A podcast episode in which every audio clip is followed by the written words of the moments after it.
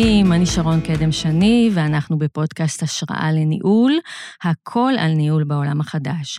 אנחנו נעסוק כאן במגוון נושאים שקשורים לניהול ואיך לנהל טוב יותר, עם דגש על העולם העכשווי, עם כל האתגרים הספציפיים שבו קצב השינויים המאוד מהיר, האי-ודאות שהולכת וגוברת, דור חדש עם העדפות קצת אחרות, טכנולוגיה, גלובליזציה, וכו' וכו' וכו', כל מה שכאילו מסביב, אבל בעצם קשור באופן מאוד מאוד הדוק לאיך אנחנו מנהלים ביום-יום שלנו, וגם לאתגרים שאנחנו חווים בתפקיד.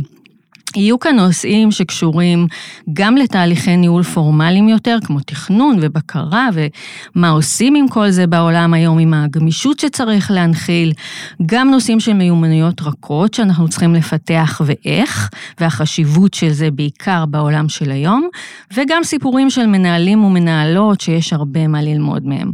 כל זה באמת כדי לתת לכם ידע, כלים, תובנות, נקודות למחשבה, והמון המון השראה בעיקר, שתיקחו ותיישמו ביום-יום שלכם ובתפקידים שלכם בניהול. והיום, כיאה לפרק ראשון, יש לנו פרק סופר מעניין וחשוב. בנושא תפקיד המנהל או המנהלת בעולם החדש. אנחנו נפרק קצת את הנושא הזה שנקרא ניהול ומה זה בדיוק, ועם דגש על מה זה העולם החדש, איך התפקיד השתנה בשנים האחרונות ולמה, מה כל אחד ואחת מאיתנו צריכים לשים לב ולקחת כנקודות למחשבה ולעבודה עצמית כדי שנוכל לדייק לעצמנו את התפקיד, לוודא שאנחנו מביאים את עצמנו במקסימום לתוך התפקיד הניהולי שלנו. ולצורך כך יש איתי אורחת מאוד מאוד מאוד מיוחדת ומעניינת, שאני מאוד מתרגשת שהיא כאן. כבוד הוא לי ש, שאת כאן איתנו, אפרת אגמון, אה, ואני מעבירה לך רגע את השרביט להציג את עצמך. וואי, א', תודה, תודה על ההזמנה, זה באמת משמח. אה, אה, היית סטודנטית שלי לפני נכון, uh, שלוש שנים. גילוי נאות. בשיא הקורונה. לגמרי. ונפגשנו בקורס שלימדתי בתואר השני בייעוץ אה, למנהלים, ואני נכון. ממש ממש שמחה להיות פה. אני אגיד על עצמי ככה כמה מילים ו... ונתחיל, כי באמת יש פה הרבה מה לדבר. אני פסיכולוגית תעסוקתית, אני יועצת של מנהלות, מנהלים, הנהלות, במגוון של מגזרים. ברמה האישית גדלתי כפסיכולוגית בתחומי הדיאגנוסטיקה, ניהלתי את אגף הדיאגנוסטיקה והאבחון התעסוקתי של אדם, אדם היא לא. היום אני מנהלת אה, את עצמי, אני עצמאית, ואני מלמדת במרכז אקדמי אונו, ואני עובדת הרבה עם מנהלים, ויש לי בעיקר קליניקה לייעוץ קריירה באמצע החיים, פוגשת הרבה הרבה הרבה מאוד מנהלים. אני אנסה לשתף בנושא המעניין הזה שאת uh, פותחת היום, והמון בהצלחה שיהיה. תודה. אני אנסה לשתף uh, מתובנות שלי, גם מתיאוריה, אבל בעיקר מהשטח, ולהביא לכם uh, כמה שיותר דוגמאות למה שקורה היום בהיבטי הניהול. מעולה, מעולה, וגם באמת אה, הקורס שעברנו, שאת אה, העברת בעצם באונו, הסמינר ייעוץ למנהלים, נשאר איתי עד היום, ולכן גם היה לי ממש ממש ברור שאת חייבת, חייבת להיות כאן. תודה. אז בואי נתחיל, בואי רגע נתחיל ממש ממש מהבסיס, וננסה להגדיר רגע מה זה ניהול. התפקיד הרי אמרנו משתנה היום, ותכף נגדיר איך, אבל זה כבר לאו דווקא אומר לנהל אנשים, אז בואי רגע נתחיל מהגדרת הבסיס של מה זה בעצם ניהול. וואי, תקשיבי, קודם כל לנהל זה mindset מאוד מאוד מסוים. זה לאו דווקא, כמו שאמרת, לנהל אנשים. יש ניהול של מוצר, וניהול של תהליך, וניהול של לקוח, גם ניהול של צוות. אה, בגדול, מנהל מקבל איזושהי אחריות, איזושהי טריטוריה, לרוב גם סמכות, אני מקווה. מהארגון, זה תפקיד פורמלי שניתן לך בתוך המערכת. אבל כנראה שהתמונה לא כזאת טריוויאלית, כי אם זה היה כל כך פשוט, שאתה אחראי מפה עד פה, העולם היה הרבה יותר פשוט. התמונה הרבה יותר מורכבת, ולשם כך התכנסנו פה היום. כן, אז מי בעצם נמשך יותר לתפקידים ניהוליים? יש איזה פרופיל מסוים? א', לאו דווקא. אני חושבת שאנשים אה, נמשכים לתפקידי ניהול, או כאלו שרוצים להשפיע, להגיע לעמדות שהם יכולים לראות מסה ולהשפיע על מסה, או כאלה שרוצים את ה... יש להם את המוטיבציה לקידום בתוך המערכת, לשליטה, להשפעה. יש גם הרבה מאוד אנשים שהם אנשי מקצוע מצוינים, שהארגון כאילו מושך אותם למעלה, והם מקבלים תפקידי ניהול, למרות שהם לאו דווקא זו הייתה הגחמה או השאיפה המאוד מאוד ראשונית שלהם. אני חושבת גם שהדברים נורא נורא משתנים. אם היינו מקליטות את הפודקאסט הזה, נגיד לפני 10-20 שנה, mm-hmm. או נקליט אותו בעוד 10-20 שנה, אני מניחה שנדבר דברים מאוד מאוד שונים. אז אי אפשר להגדיר בדיוק מי הם האנשים שנמשכים אה, לניהול. העובדה היא שיש הרבה מאוד אנשים שנכנסים לתפקיד, לא מבינים בדיוק במה מדובר, מלבד הסטטוס והמשבצת המסוימת, ושווה לתת על זה את הדעת. כן, אז בעצם זה תפקיד שיש לו הרבה הרבה השפעה. אנחנו מדברות על זה שזה תפקיד שיש לו הרבה השפעה, אה, ותחומי אחריות אה, יותר אה, גדולים. יש איזה סטטיסטיקות מעניינות שמראות איך זה משפיע, איך תפקיד המנהל או המנהלת משפיע בארגון.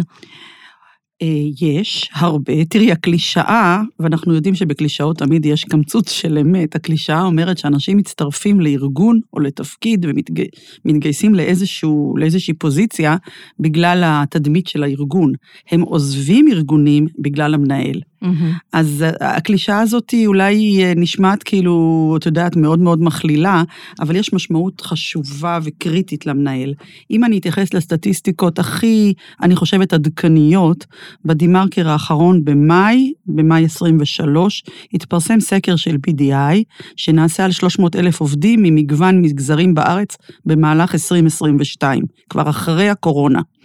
והם בדקו למה אנשים באים לעבודה, מה, מה המוטיבציות שלהם, ועשו איזשהו מדרג לאורך עשר השנים האחרונות. אה, הסקר הזה כבר קיים 19 שנה. Mm-hmm. והם בדקו ואמרו שהמוטיבציה הראשונה בחשיבותה אצל העובדים, שוב, כמובן, זה סטטיסטיקה, זה הכללה, המוטיבציה המרכזית הראשונה זה יחסי עבודה, כלומר ש... מקום העבודה ייחשב, ייתפס בעיני העובד כהוגן, כמכבד, כמישהו שאכפת לו מהעובדים במערכת היחסים בתוך המערכת, והגורם הכי חשוב אחריו זה המנהל הישיר. זאת אומרת, רוב האנשים רואים בפונקציה שמנהלת אותם כגורם המרכזי והחשוב ביותר לכך שאני אה, אה, עובד פה. מעניין, זה באמת מראה לנו את ההשפעה המאוד אה, משמעותית של התפקיד הזה, גם ליצור את האווירה הנכונה של ההוגנות וכולי, כל מה שציינת, וגם ביום-יום. ומעניין אבל לחשוב על זה, המנהל הישיר הרי זה גם משהו שקצת משתנה, זה יכול להיות מנהל מטריציוני, נכון. זה יכול להיות, אה, אם אני עובד קבלן, המנהל, ש...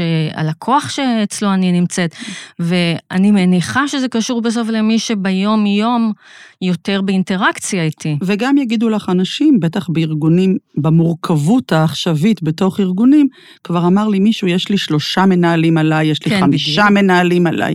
כלומר, יש לך ב dotted line וב solid line. אז נכון, בעיקר ההתייחסות זה למנהלים ה...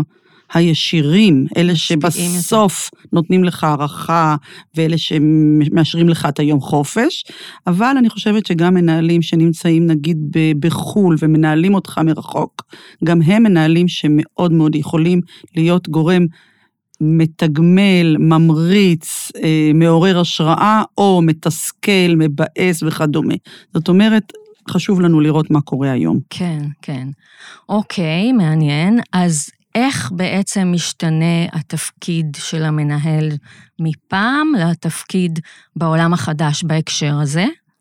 וואי, פה יש לי, אני יכולה לדבר רק שעה על השאלה הזאת. אני חושבת שאם אני רגע צריכה לעשות אה, ככה מיקוד של הדברים המרכזיים, התפקיד של המנהל מאוד השתנה. כבר לא מדובר במעגל הניהול הקלאסי של אה, ארגון, תיאום, ביצוע, ואחר כך לעשות על זה מעקב.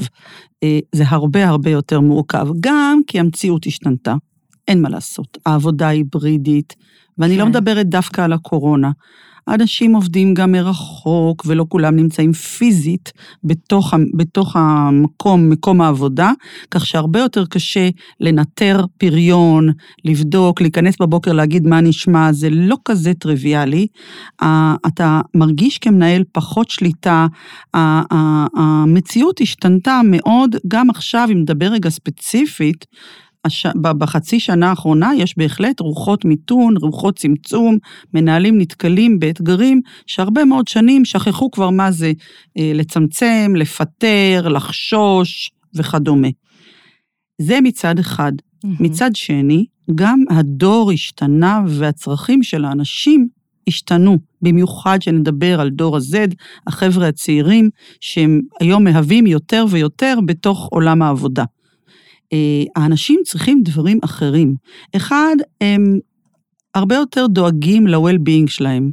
הם הרבה יותר רוצים באמת בחוויה של לא לעשות עוד ועוד מאותו דבר. הם רוצים גיוון, הם רוצים שיראו אותם, הם רוצים שיתחשבו בצורכיהם.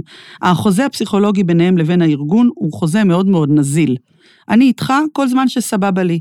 כשמפסיק להיות לי טוב, אז אני קם והולך. מהצד של העובד, מהצד של מתכוונת. העובד, הציפיות שלהם הן ציפיות שונות, הן ציפיות שאתה תהיה איתי בפיתוח הקריירה שלי, שאתה תראה מה אני רוצה, ואתה ת, ת, ת, ת, תחווה את החוויה של היומיום יחד איתי. אה, זה אומר, שאם את שואלת על תפקיד המנהל, מהמם. זה אומר, מה שאמרתי עכשיו, גם השינויים במציאות בשוק העבודה, וגם השינויים ב, ב, בצורכי ואפיוני העובדים, זה אומר אחד שהמנהל הפך להיות הרבה יותר אה, אה, מגדל, מפתח, אפילו יש שאומרים מאמן אנשים, פחות אחד כזה שרק מפקח על המשימות, אלא הרבה יותר oriented לאנשים. מהמם. זה אומר שהוא צריך לדאוג לאיך אני מייצר מחוברות ו engagement כשהארגון שלי מפוזר ואנשים כולם עובדים, עובדים בבתים. זה אומר שהוא צריך לעודד הרבה יותר חדשנות בעולם תחרותי שכזה, ולבנות צוותים אג'יליים כל פעם לפי צורך אחר. הדברים הרבה יותר ברורים. בנוסף, עוד אה, ככה שני דגשים שאני חושבת שמאוד מאפיינים את הניהול העכשווי. המנהל עסוק הרבה יותר במיתוג המעסיק, כלומר, יש תחרות, עדיין, למרות רוחות המיתון, יש תחרות על הטאלנטים, ואנשים מחפשים אנשים טובים, ולכולם חסרים אנשים. בכל המגזרים שאני עובדת בהם, חסרים עובדים. מהמם. זה יכול להיות מתכנתים, אבל גם עובדים סוציאליים, וגם מורים, וגם סייעות בגנים, חסרים עובדים.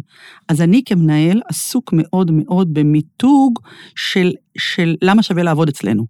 למה אנחנו ארגון שכדאי שאתה רוצה לעבוד אצלנו, זה נקודה אחת. מהמם. ונקודה שנייה שאני רוצה להדגיש, זה עד כמה אני כמנהל פרטנר לניהול הקריירות של האנשים שלי.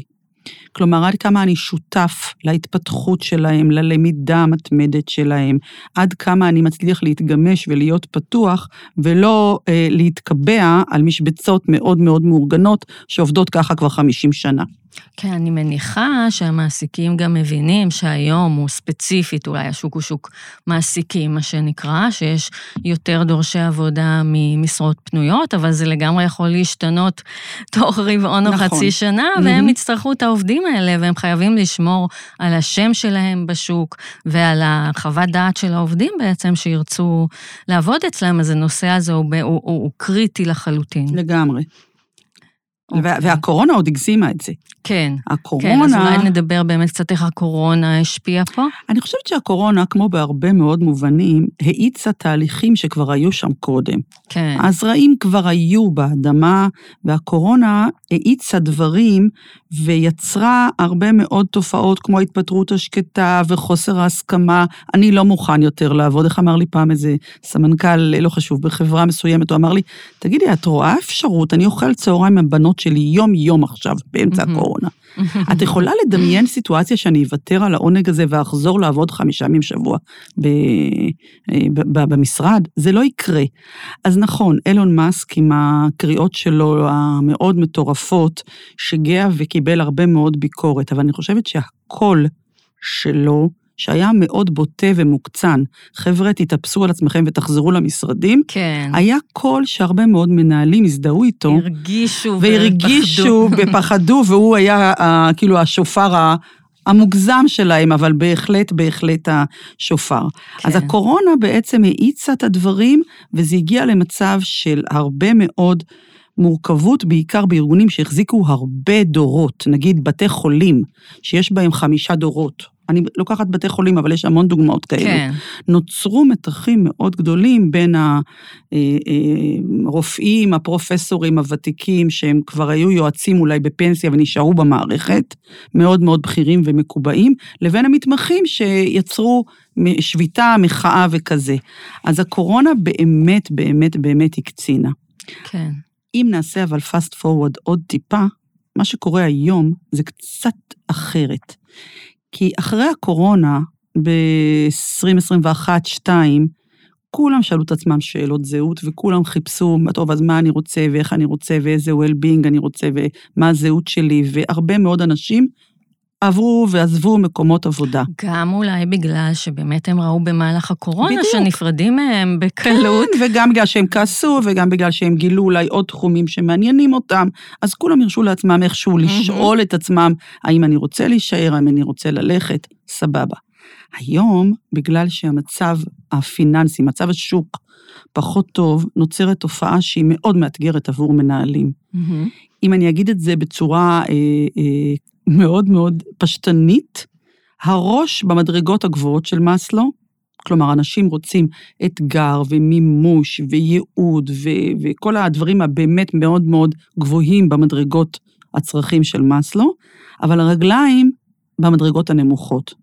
זאת אומרת, אנשים כבר לא כל כך אה, רצים לחפש עבודה בחוץ, וגם אם לא כל כך טוב לי, אני לא רץ החוצה ושובר את הכלים ולא משחקים. מה שזה אומר, שהפוקוס הוא הרבה יותר פנימה, לתוך הארגון. כן. אני כן רוצה שינוי, אני כן רוצה להיות ממומש, אני כן רוצה להתפתח, אבל אני לא הולך לשום מקום. אז אני מחפש את זה בתוך הבית. וזה מוביל לאתגרים מאוד מאוד משמעותיים אצל המנהלים. איך אני מצליח לאפשר לאנשים לחוש growth mindset, לרגוש, לרכוש התפתחות בתוך הבית. מעניין, כי את בעצם אומרת שאם עד לא מזמן, אם מישהו לא היה טוב לו, הוא היה אומר, אוקיי, שלום, נכון. ועוזב. היום הוא לא כל כך מהר עושה לא. את זה, אז הוא נשאר, ואז בעצם יש לנו כמנהלים אתגר יותר גדול, איך אנחנו מזהים את המקרים האלה ומרימים אותם למעלה. נכון. איך אנחנו בעצם מביאים את האנשים האלה למקום אחר, שלא יהיה לנו פה כמות כזאת גדולה של אנשים שהולכים ובעצם היו רוצים לעזוב, אבל הם איתנו. כי אלה האנשים שבסוף כשהם נשארים, ואני רואה כאלה בקליניקה, שאני אני רוצה, אני צריך לעזוב, מהמם. אבל אני לא מרשה לעצמי עכשיו לעזוב, כי ככה וככה. האנשים האלה, אם הם לא ימצאו את החוויה המתפתחת בתוך הארגון, הופכים להיות גורמים מתסיסים, שחוקים, בולי עץ מתים, מה שקרא להם פרופסור אדיג'ס בזמנו. כן, כן.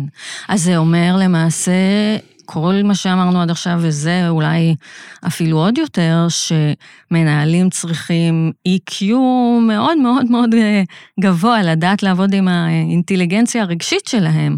אה, וזה נכון. הבדל נוסף אולי ממה ש... את יודעת, כשאת. אומרת את זה, אז אני חושבת, לפני כמה זמן פתחתי קורס בזום אה, לאנשים שבאו לעשות תואר שני בניהול משאבי אנוש. אז בשביל המיפוי בשיעור הראשון שאלתי אותם, תגידו, כמה מכם עובדים במחלקות משאבי אנוש איפשהו? והיו מעט מאוד אנשים כאלו. רוב האנשים היו מנהלים כלשהם, או אנשים אחרים שהחליטו לבוא באמצע החיים וללמוד תואר שני. מהמם. אז שאלתי, למה באתם ללמוד ניהול משאבי אנוש? וקיבלתי תשובה שהיא בדיוק התשובה למה שאת אומרת. היום כל מנהל, באשר הוא, צריך להיות קצת מנהל משאבי אנוש. קצת הרבה כנראה. כן. אז כן, נכון, בהחלט, הפוקוס על אנשים, על ניהול הקהילה וה- והמחוברות, זה, זה אתגר מאוד מאוד משמעותי היום בניהול. כן, לגמרי, לגמרי. דיברנו קודם גם קצת על משמעות, ועל זה שמנהל צריך ליצוק גם משמעות לעובדים, כי העובדים עם הראש ככה במסלו למעלה, אמרת. עד כמה זה באמת קריטי לדעתך, ועל אחת כמה וכמה בתפקידי ניהול אולי ראשונים יותר של מנהלים מתחילים? אני חושבת שזה קיים לאורך כל שדרת הניהול. הצורך הזה להיות סוג של אדריכל משמעות, כמו שאומרת חברתי דוקטור דנה פרק. אחלה מושג. אדריכל של משמעות, אני צריך לבנות את המשמעות עבור העובדים שלי, ואני רוצה להוסיף פה עוד תפקיד. אמ, אני חושבת שהמנהלים גם במצב העכשווי צריכים להיות סוכני תקווה. אני חושבת שדמויות הסמכות בתוך ארגונים צריכים להיות סוכני תקווה. כי יש לא מעט מגזרים, הבוקר הייתה לי שיחה כזאת עם שתי מנהלות, מהמם. או שיש המון המון התקפות מהמציאות החיצונית, או שיש איזו חוויה של ייאוש, או מרמרת כזאת או אחרת, או איזו חוויה של אה, פחות מחויבות. ואני חושבת שהיכולת של מנהל להחזיק את התקווה, לראות תמונת עתיד, להיות אופטימי, לדאוג, לדחוף לכיוון של עשייה שמקדמת צעדים לקראת תמונת העתיד הזאתי, זה אתגר לא פחות חשוב, או הוא בא ביחד עם היותו אדריכל של משמעות. אז אדריכלי משמעות וסוכני תקווה, כן, את אומרת. כן, כן, כן. אימצתי, אימצת, יפה. כן, השאלה, את יודעת, אני כל הזמן חושבת על כמה זה באמת מחובר לשטח, כי גם אני בסדנאות וקורסים שאני מעבירה ומנהלים שאני פוגשת מעבירה הרבה פעמים את המסרים האלה, ואז קורה שאנשים אומרים לי, וקורה לא אחת, זה קורה הרבה, נחמד כל, ה, כל הכיוון הזה וכל ה... אמ, את יודעת, אה, אה, תיאוריות האלה, אבל אצלי בחברה, בשטח, עדיין אה, עומדים לי על הראש המשימות, והארגון הוא נורא משימתי, והטרגטים שלנו הם אגרסיביים כל כך, שלמי יש בכלל זמן לחשוב על משהו אחר, ובשטח אנחנו חווים משהו שהוא עדיין מאוד מאוד משימתי וממוקד, עבודה קשה ומטרות. אז איפה הפער פה בעצם בין מה שאנחנו יודעות שצריך להיות לבין מה שעדיין קורה ביום-יום? א', את צודקת. אני לא... את צודקת. היום יש אנשים שאומרים שבמקום להגיד אה, KPI, שזה משהו שאנחנו מכירים שנים של עבודה לפי יעדים ו-KPIs וכאלו, אז ראשי התיבות העכשוויים זה Keep People Interested. וואו. Keep People Involved. אבל את צודקת, וזה במיוחד בולט מה שאת אומרת, בסטארט-אפים שצריכים באופן מאוד זריז אה, לגדול, נגיד הם כבר יצאו לגיוס ויש להם כסף, ומהר מאוד חבר'ה שהם חבר'ה פרופשיונלס מצוינים, לא משנה, מתכנתים, אנליסטים, whatever, מתקבלים מהר מאוד או נמשכים לתפקידי ניהול, ובעצם הם לא חוו עוד מודל ניהולי ככה שאפשר היה ללמוד ממנו. ואז הם צריכים בעצם לבנות זהות ניהולית ולבנות תפיסות עבודה ותפיסות התנהלות וכדומה, אה, לפי האינטואיציות שלהם, אז אין להם אפילו אה, אה, על מי להסתמך בשלב ממש מוקדם של הקריירה, ואז אתה נתקל במנהלים שהם, האמת שהרבה פעמים אני נתקל ממש במעוררי אה, כבוד והרבה מאוד הערכה של חבר'ה בני 30, 35, וואלה, הם בונים איזה סוג של מודל ניהולי מתוך עצמם, מרשים, מרשים מאוד. כן, כן. אני רואה את זה גם בארגונים, את יודעת, שהם כביכול יותר מסורתיים, כי אני חושבת שהמציאות הזאת, שהיעדים העסקיים נהיו יותר אגרסיביים, והרי התחרות בשוק גדלה, וכולם חייבים לרוץ אה, יותר מהר קדימה, מול הצורך הזה בכל מה שדיברנו עכשיו, משמעות לעובדים, ו mentoring לעובדים וכולי. יוצר איזשהו פער בשטח, ואני חושבת שזה אתגר נורא נורא גדול היום למנהלים, בדיוק הפער הזה. ואנחנו בעצם שמות על זה כאן את הזרקור, כדי שהפער יהיה ככה יותר במודעות. עדיין, עדיין, כשאני באה לארגונים ומדברת על תפקיד המנהל כפרטנר לניהול הקריירה של העובדים שלו, מהמם. אני מקבלת תגובות כמו, כמו, מה קרה? הוא עוד לא שנה וחצי, שנתיים בתפקיד. או, מה זה אומר עליי? תגובות רגשיות מאוד שמרניות. מה זאת אומרת שהוא רוצה כבר להתקדם או לזוז או להתפתח לעוד אזורים? זה לאו דווקא קידום לינארי, כן? ברור.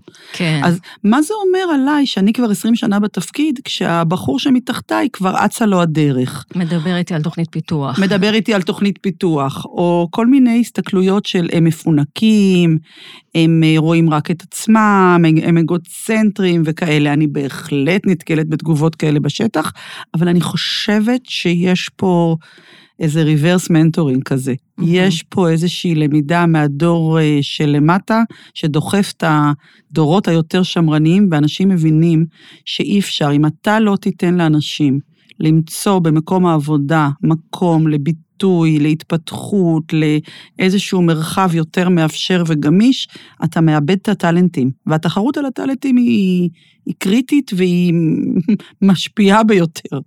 כן, כן. אז אנחנו בעצם אומרות, חבר'ה, הגבינה זזה, וצריך uh, להבין את זה ו- ולהיערך. מה לדעתך לדוגמה לא יעבוד היום, אם אנחנו ככה חושבות על דוגמאות uh, מול הדור החדש, הציפיות החדשות של העובדים? את יכולה לתת לנו ככה קצת דוגמאות? מה, התנהלות של מנהלים שהיום לא תתקבל כבר? כן, כן, 아. כן. אה, אני אתן לך דוגמה, אה, זמינות ל-24/7. Mm. נגיד במשרדי עורכי דין, mm-hmm. שאחת הדרישות זה תהיה זמין טלפונית כל הזמן ללקוח. יש היום מחאה מאוד משמעותית, בגלל הקושי שלהם כבר לגייס עורכי דין. אה, נעשה גם פה איזשהו rethinking על, ה, על העניין הזה. אז זה משהו אחד שאני חושבת שיש עליו כבר היום סימן שאלה גדול. אה, אם מנהל לא יתחשב ב... בצרכיו או בחייו האישיים של העובד, או אם הוא יהיה באיזה micro-management מאוד מאוד צמוד, כלומר בקרה ופיקוח מאוד מאוד מאוד מוקפד, אני חושבת שזה כבר, הוא, הוא תהיה, זה יעורר כבר התנגדות אה, שלא אה, תאפשר. אם מנהל לא רואה את עצמו ו... כפרטנר כזה לפיתוח קריירות, והוא תוקע את האדם, קודם כל חמש שנים לפני זה, אל תדבר איתי בכלל. אני חושבת שזה כבר פחות מקובל, ו, ונגד... לא יעבור. זה לא יעבוד, זה לא כן, לא יעבוד כבר. כן, כן. את יודעת, אני שומעת באמת לא מעט ממנהלים את האתגר הזה, שבאמת יותר קשה להשיג היום אקסטרה אפורט נכון, מעובדים. נכון. הרבה יותר קשה לי לבוא ולדרוש עכשיו מאמץ בוויקנד או מסביב לשעון, גם בשביל איזה השקה או מה שלא יהיה. ואני חושבת שצריך לחלק את זה לשניים. קודם כל, באופן כללי וקבוע, לגמרי באחריות המנהל, והם צריכים לחשוב על זה ולהיערך על זה, ליצור קצב עבודה הגיוני אה, וישים לעובדים, ולא לדרוש באופן קבוע מאנשים להתאבד על משימות, מה שנקרא. מצד שני, כשכן פעם ב- יש את הצורך הזה, ואם באמת יוצרים סביבה נכונה שבה הצורך הזה הוא בא פעם ב- אז צריך לבוא ולהסביר את המשמעות, להסביר את הצורך, להסביר למה זה חשוב, ו, ואז אנחנו נראה תגובה כנראה אחרת לגמרי כשזה בא בצורת הנחתות כזה, הפעם צריך לעבוד weekend וכולי וכולי. אז אני לגמרי לגמרי מתחברת למה שאת אומרת. גם אה, מנהלים כאלה חוטפים על הראש. כן. בואי לא ניכנס לשמות, אבל מנהלת שהתגאתה באיזה כתבה, שהיא כל יום בחמש וחצי, שש, מתקיפה את אנשיה בבוקר, במיילים, במתקפת מיילים, לא ראיתי. היא חטפה על הראש יפה מאוד, ואני חושבת שהנוהג הזה הפסיק. כן. זאת אומרת, החדירה הזאת לתחום הפרטי של העובד או של המנהל פחות מקובלת היום. אה, למרות שלפעמים, כמו שאת אומרת, היא נדרשת, אבל אז ת, ת, תארוז את זה, תסביר את, את זה, כן. תנהל את זה, בדיוק. בדיוק. אוקיי, אחלה. בואי נתקדם רגע ונדבר בכלל על הבנת התפקיד ותפיסת התפקיד של המנהל או המנהלת כשהם נכנסים לתפקיד. איך בעצם, אנחנו מדברות פה רגע עכשיו על מה הם צריכים לדעת ומה הם צריכים לעשות ואיפה לשים את הדגש, אבל מה בכלל הם צריכים לעשות כדי להבין יותר טוב את התפקיד החדש, את תחומי האחריות החדש, באמת איפה לשים את הדגשים. תראי, כניסה לתפקיד אה, ניהולי, בטח, אפשר לדבר עליה הרבה. אני רוצה להדגיש שני דגשים, אוקיי? אחד, לזכור שכאשר אתה נכנס לתפקיד כלשהו, זוטר, בכיר, תפקיד ניהולי, צריכים לקרות ביחד שני תהליכים שהם בלתי תלויים, הם אפילו סותרים אחד את השני, הם אורתוגונליים. מצד אחד אני צריך ללמוד, אני צריך ללמוד את הארגון, את המתחרים, את העובדים, את המבנה, יש לי המון למידה, כן. ומצד שני אני צריך להתמקם. אני צריך mm-hmm. להתמקם כמישהו שכבר מתאים לתפקידו, ש, ש, שכדאי לעבוד איתו, אני צריך לייצר אמון. להתמצב, מה שנקרא? להתמצב, כן, okay. אוקיי. כן, כן. עכשיו, ברור לך שאם מישהו רק לומד, הוא לא מתמקם. כן. ואם מישהו אבו עלי, אני יודע הכל, אני רק מתמצב, ואני לא לומד את הארגון, אז אני לא מתאים את עצמי. שני הדברים, צריך להחזיק את שני הצירים האלה, האורתוגונליים, ביחד. זה מסובך, זה easier said than done, כן. אבל להחזיק גם את הציר של הלמידה וגם את הציר של ההתמקמות. ואתה צריך לעשות את זה בעת ובעונה אחת. אחר כך, אחרי כמה חודשים, כבר תוכל להתחיל באמת לתת את המבנה שלך וזה, אבל תחזיק את שני הצירים האלה. זאת נקודה אחת שחשוב לי להדגיש. הדבר השני זה לעשות אה, תהליך מודע אה, של להבין מה זה התפקיד. כי התפקיד הוא לא רק מה שכתוב לך בהגדרת התפקיד, בקובץ במחשב. כן. בכל, לכל תפקיד בארגונים מסודרים, נגיד שיש איזושהי הגדרת תפקיד, אלה ואלה המשימות, על זה אנחנו מודדים אותך וכדומה. כן. התמונה היא הרבה יותר מורכבת, וכדאי שתבין גם את החלקים הפחות פורמליים של התפקיד. מה זה אומר? זה אומר שבתוך התפקיד נכנסים גם חלקים, אחד של אה, איזה ציפיות לא פורמליות יש ממך, ולא כן. רק מה שכתוב בקובץ, וגם להבין מי אתה ומה אתה רוצה להביא לתוך התפקיד. שזה סופר חשוב, כי זה בעצם מביא את, ה... את עצמנו לתוך זה. נכון, מצד שני, אבל אם לי יש נגיד צורכי שליטה אדירים, ולא ממש בא לי להתרחק, מה שנקרא, מהשטח.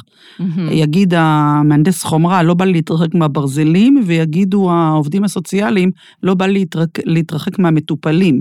כן. אבל אלה הצרכים שלך, והתפקיד מצפה ממך שאתה תנהל דרך אחרים, ולא תשב כל היום בשטח ותתמקם כמי שפותר את כל הבעיות בכל הברזלים והברגים, אתה, אם אתה לא תבין שזאת הנטייה הטבעית שלך, ואתה לא תזוז, נגיד, מה micro-management הזה, אתה לא תוכל להסתכל, מ- לעשות את ה zoom out שנדרש בשביל הניהול. כן. אתה חייב להבין, מה שאני אומרת, אתה חייב להבין את הנטייה הטבעית שלך ולהיכנס לרול מתאים לתפקיד.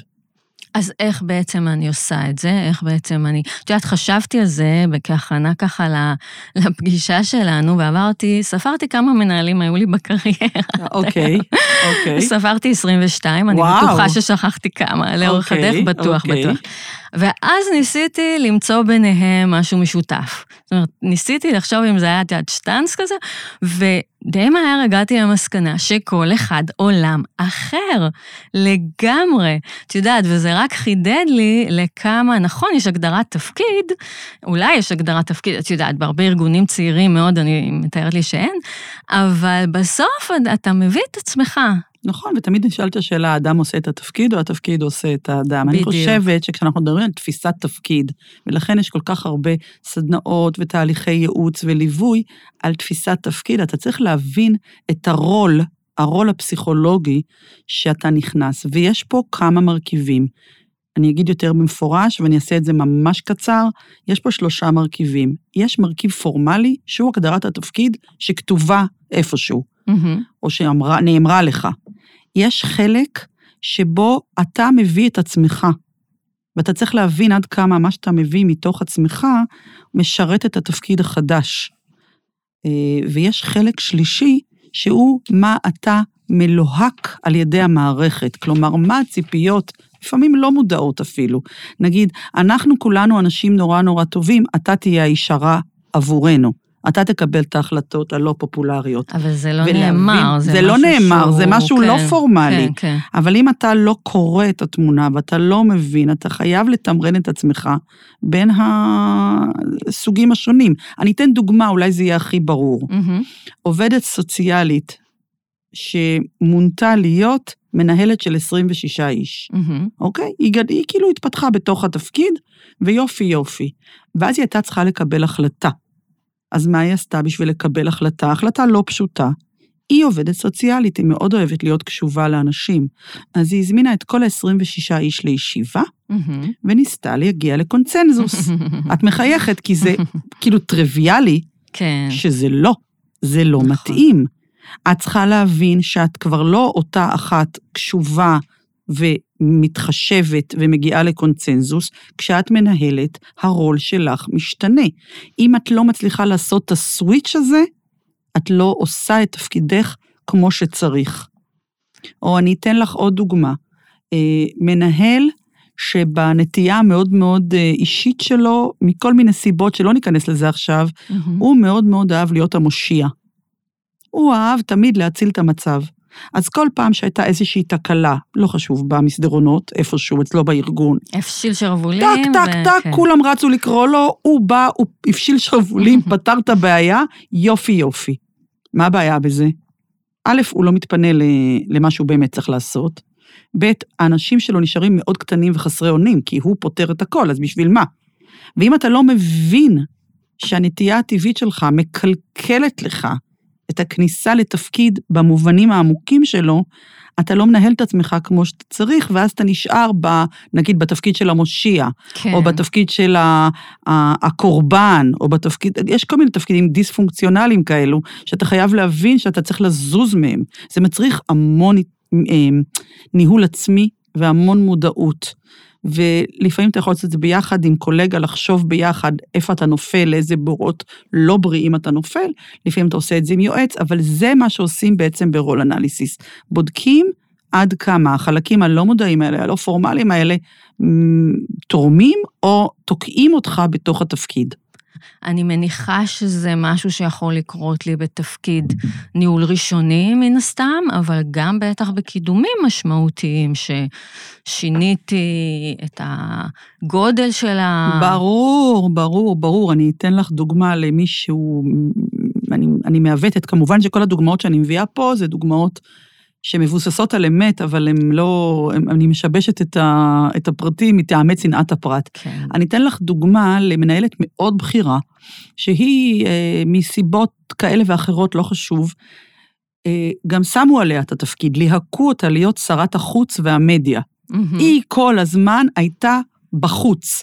היא הופיעה, היא שגררה, היא דבררה וככה, ולאט לאט נוצרה תחושה שהתפקיד הזה הוא תפקיד המון גלורי והמון תהילה, והיא השאירה את החבר'ה שלה, שכולם היו מנהלי מנהלים כבר, אנשים מאוד בכירים, לעבוד בשטח. היא קיבלה את כל הגלורי, והיא הובילה במסדרונות, ב, ב, ב, לא חשוב, בחוץ, וכל התפקיד של החבר'ה האחרים היה לרוץ אחריה וכאילו לנ- לנקות ולעמוד בכל ההבטחות שהיא הבטיחה בחוץ. זה פיצול לא נכון. כן. את חייבת להבין שאת אה, אה, אה, צריכה להיות באיזשהו מקום שהוא מחזיק את מנעד התפקידים הרחב ביותר, ולהיות מסוגלת לתמרן את עצמך בין תפקיד לתפקיד על פי דרישות המשימה הספציפית. להיכנס לרול מתאים ולבנות setting מתאים, שיאפשר לך לעשות את הדברים בצורה הכי אפקטיבית שניתנת. כן, אז בעצם אנחנו אומרות שכדאי לעצור ולחשוב על זה. בעצם אנחנו מקבלים תפקיד ניהולי או ראשון שלנו, או התקדמנו וזה תפקיד אחר, וצריך לעשות לעצמנו את האנליזה הזאת, לפרק את זה, ולהגדיר בעצם מעבר לתפקיד הכתוב, אם הוא קיים, מה הדברים שחשוב לנו אה, בעצם ליישם נכון. בתפקיד הזה. מהמם. אה, ואני מניחה שזה משהו שיכול גם לעזור גם באמת בארגונים שהן את ההגדרת אה, תפקיד הזה, מנהלים בסטארט-אפים שפתאום התחילו לנהל אה, צוות של אנשים. נכון. אז באמת המון פעמים אני רואה בשטח שזה נעשה אוטומטי כזה, כאילו. אנשים נכנסים לתפקיד ואת יודעת, לא עוצרים. מתחילים לעשות אותו ומניחים שיהיה טוב, ומאוד מאוד חשוב בעיניי באמת רגע לחשוב על זה, ומה אנחנו רוצים להביא לתוך התפקיד, מה הערכים שאנחנו רוצים. אה, ליישם וכולי. את חושבת שגם התרבות הארגונית אה, משפיעה על, ה...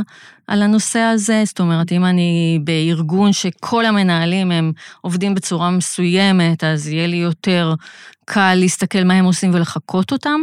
או לחלופין, אם אני אחר, יהיה לי קשה להיטמע. אני חושבת כרגע על ארגון שיש לי בראש, ואני מניחה מהמם. שגם לך יש וגם למאזינים. נגיד, ארגון שעבדתי פה, שהוא ארגון מאוד מאוד מאוד היררכי. כמו מערכת צבאית שהעתיקו אותה עכשיו לארגון אה, אזרחי. מאוד היררכי, ואפילו על גבול התוקפני, כשיש חריגה מההיררכיה המקובלת. וכשיש מנהל שהוא לא כזה, אז א', הוא צריך להבין אם נכון לו להיכנס לתוך מקום כזה, ונוצרים הרבה פעמים, הפערים האלה מייצרים הרבה מאוד חוסר שקט, חוסר הסכמות, הרבה מאוד ביקורת ותהליכי השלכות לא פשוטים בכלל. אז אתה צריך להבין גם לאיזה תרבות, ואז מה התרבות הזאת מלהקת אותך. תהיה אתה גם הקילר הזה שירוץ כן, לפנינו. כן, בדיוק. או תהיה אתה זה שתהיה, כמו שאמרנו קודם, ה-bad guy. אם אתה מוכן להיות הבד גיא. אף אחד לא או- יגיד לו את זה, כן. אבל יתנהגו את זה. אתה חייב להיות, כן. לפעמים, אבל, כן. אבל אתה חייב גם את הצורך, אתה, כש, כמנהל, אתה חייב, אמרנו קודם, לשמור על, על המנעד הרחב הזה ואת הגמישות, להיות מודע מה אני צריך עכשיו. אם אני נכנסת עכשיו לשיחת נזיפה עם עובד שבאמת פישל, אז אני צריכה להיות הבן אדם היותר תוק, תקיף ו- ו- ובד גיא קצת. כן, אבל אם אני עכשיו יושבת עם מישהו אחר ואני אה, עושה שיחת, אה, שיחה שוטפת כזאת, שיחת חתך כזאת או משהו כזה, אני צריכה ללכת בכובע אחר. לגמרי. אני צריכה. להבין, או אם אני עכשיו יושבת עם לקוח, או אם אני עכשיו יושבת עם הבוס שלי, או עם קולגה, לא משנה. בכל אחת מהסיטואציות האלה אני צריכה להבין עם איזה רול פסיכולוגי אני צריך להיכנס. אם אני כל הזמן נת, נתקע רק על היותי הבד גיא, מהמם, מהמם. אז זה עשה לי שם ותדמית מאוד בעייתית, ואני גם לא ממלא את הפונקציות שאני צריך. חד משמעית. השאלה שהתכוונתי, אם, כול, אם באמת התרבות הניהולית במרכאות בארגון היא להיות ה-bad guy, כולם מנהלים לי ככה, ואני קיבלתי עכשיו תפקיד ניהולי, אני כנראה צריכה לשאול את עצמי אם אני אה, רוצה בעצם אה, להיכנס לתבנית הזאת. נכון, אה, אם אני יודע עליה. כן, אני, נכון, כן, כן, אם אני מודעת לזה. כן. כן. מעניין מאוד. מאתגר, מאתגר, מאתגר. מאוד, מאוד, אבל, אבל מאוד מעניין. לגמרי, לגמרי. אה, בואי נדבר קצת על הדילמות האלה שאנחנו בעצם אה, ככה תמיד עולות כשאנחנו כן יושבים לחשוב על, ה, על התפקיד שלנו. אה, אז, אז אחת הדילמות שדיברת עליה קודם היא ניהול משאבי אנוש בעצם, ועד כמה. עד כמה אני מנהל משימות מול ניהול משאבי אנוש וכמה אני צריכה להתעסק בזה. וואו, אני, אני לא חושבת שיש כללים פה אה, ש, שאפשר לתת אותם, כללי אצבע כאלו. אני חושבת שזה גם תלוי בארגון, וזה בעיקר תלוי בפאזה הארגונית שנמצאים בה. אם נגיד אני עכשיו בתהליך של אה, אה, שינוי בתוך הארגון, או אני בתהליך ש... אני, אני צריך לב... זו שאלה מאוד מאוד מאוד דינמית. אני בטוחה אבל מה שכן, שצריך להחזיק תמיד את שני, הקוב... את שני החלקים האלו, את שני האלמנטים האלה, ולשחק עם התמהיל שלהם באופן גמיש ומאוד מאוד מודע. אני לא חושבת שאני יכולה לענות על השאלה. איזה עוד דילמות בדרך כלל הן נפוצות ב... אה, איך אני מתרחק מהשטח, מהמם, איך אני, מה שנקרא, עולה למרפסת רגע ומסתכל רחב. ה- המשחק הזה בין הזום אין לזום אאוט הוא משהו שמאוד מאוד מעסיק, אה, מעסיק מנהלים. אה, איך אני אה, אה, מייצג את הארגון כלפי חוץ, איך אני אה, עושה את המיתוג מעסיק, או- הרבה מאוד דילמות, זה דילמות שמתפתחות לאור המציאות ש, שמשתנה. כן. אז גם בנושא הזה, בעצם אה, מודעות ועבודה על זה, אני מניחה, זה אחד הדברים. זאת אומרת, לשבת ולחשוב על זה. אני חושבת לשבת. שאחד אחד הטיפים הכי משמעותיים שאני יכולה לתת, מהמם. זה לעשות, אה, היה לי פעם איזה מנהל שעבדתי איתו, שהוא קרא לזה זמן חלון. מהמם, הוא היה מסתובב בכיסא המסתובב שלו, מהשולחן לחלון מאחור, והיה עכשיו חצי שעה עם עצמו, חושב, בוהה. זאת אומרת, לייצר איזה שהם מרווחי זמן, שהם מרווחי זמן שתפקידם רגע לזוז מהאקטור לאובזרבר, מזה שפועל לזה שצופה, וזה משהו שיכול קצת לעזור לך. נשאר לנו עוד כמה דקות, אז אם אנחנו מסכמות רגע את כל מה שככה דיברנו אה, ו- והנקודות שהסתכלנו עליהן היום, אנחנו בעצם חוזרות ואומרות שכשאנחנו נכנסים לתפקיד, אנחנו צריכים לשאול את עצמנו כמה שאלות, אה, והשאלות האלה יעזרו לנו לכוון את עצמנו ואת התפקיד ואת העשייה שלנו למקום הנכון. אמ, ואני אעביר אלייך רגע לסיכום, ככה כמה, בכמה מילים של מה כל אחד ואחת יכולים לקחת מהפרק הזה. אני uh, חושבת שאת צודקת בזה שאני צריך לשאול את עצמי שאלות, זה לא רק בכניסה לתפקיד, זה לעשות ממש פעם ב... לא יודעת, יש כאלה שעושים את זה פעם בשבוע, ויש כאלה שעושים את זה פעם בחודש או פעם ברבעון.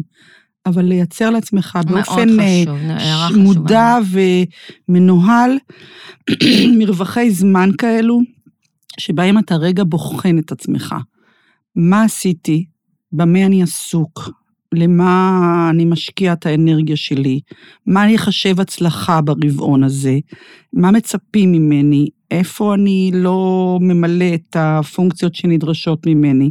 ברגע שאתה תזוז קצת מלהיות האקטור, זה שפועל בשטח, mm-hmm. ללהיות רגע האובזרבר, כלומר, לזוז מתוך עצמך ולהסתכל עליך כאילו, אני חושבת שבן אדם שבאמת בחוויה אמיתית עמוקה, של growth mindset, שמסתכל על עצמו, בוחן את עצמו ורוצה לגדול ולהתאים את עצמו באופן מיטבי לתפקיד, אני חושבת שזה תהליך שהוא ממש בלתי נגמר ונדרש תמיד, הוא רק מטייב את התפקוד שלך. והייתי רוצה ככה לסיום אה, לצטט שיר שאני מאוד אוהבת, אני בטוחה שהמאזינים ימצאו את עצמם בתוך השיר הזה. השיר אה, הוא של, מתוך ספר של גילי יובל, גילי יובל, סליחה, יובל שמה. Mm-hmm. יש דף בפייסבוק, תעשו לייק, והעבד הזה הוא אני. זה שירים הומוריסטיים על עולם העבודה, ויש שם שיר על המנהל. אז אני חושבת שזה בסדר שאני אקריא את השיר? בטח, אני סקרנית, בוודאי. אז, אז אני אקריא את השיר, כי אני חושבת שהוא מסכם מקסים עם איזה זרביב של חיוך את מה שאנחנו מדברות. אז ככה. דרך אגב, יש ספר, והיא הוציאה עכשיו את הספר השני.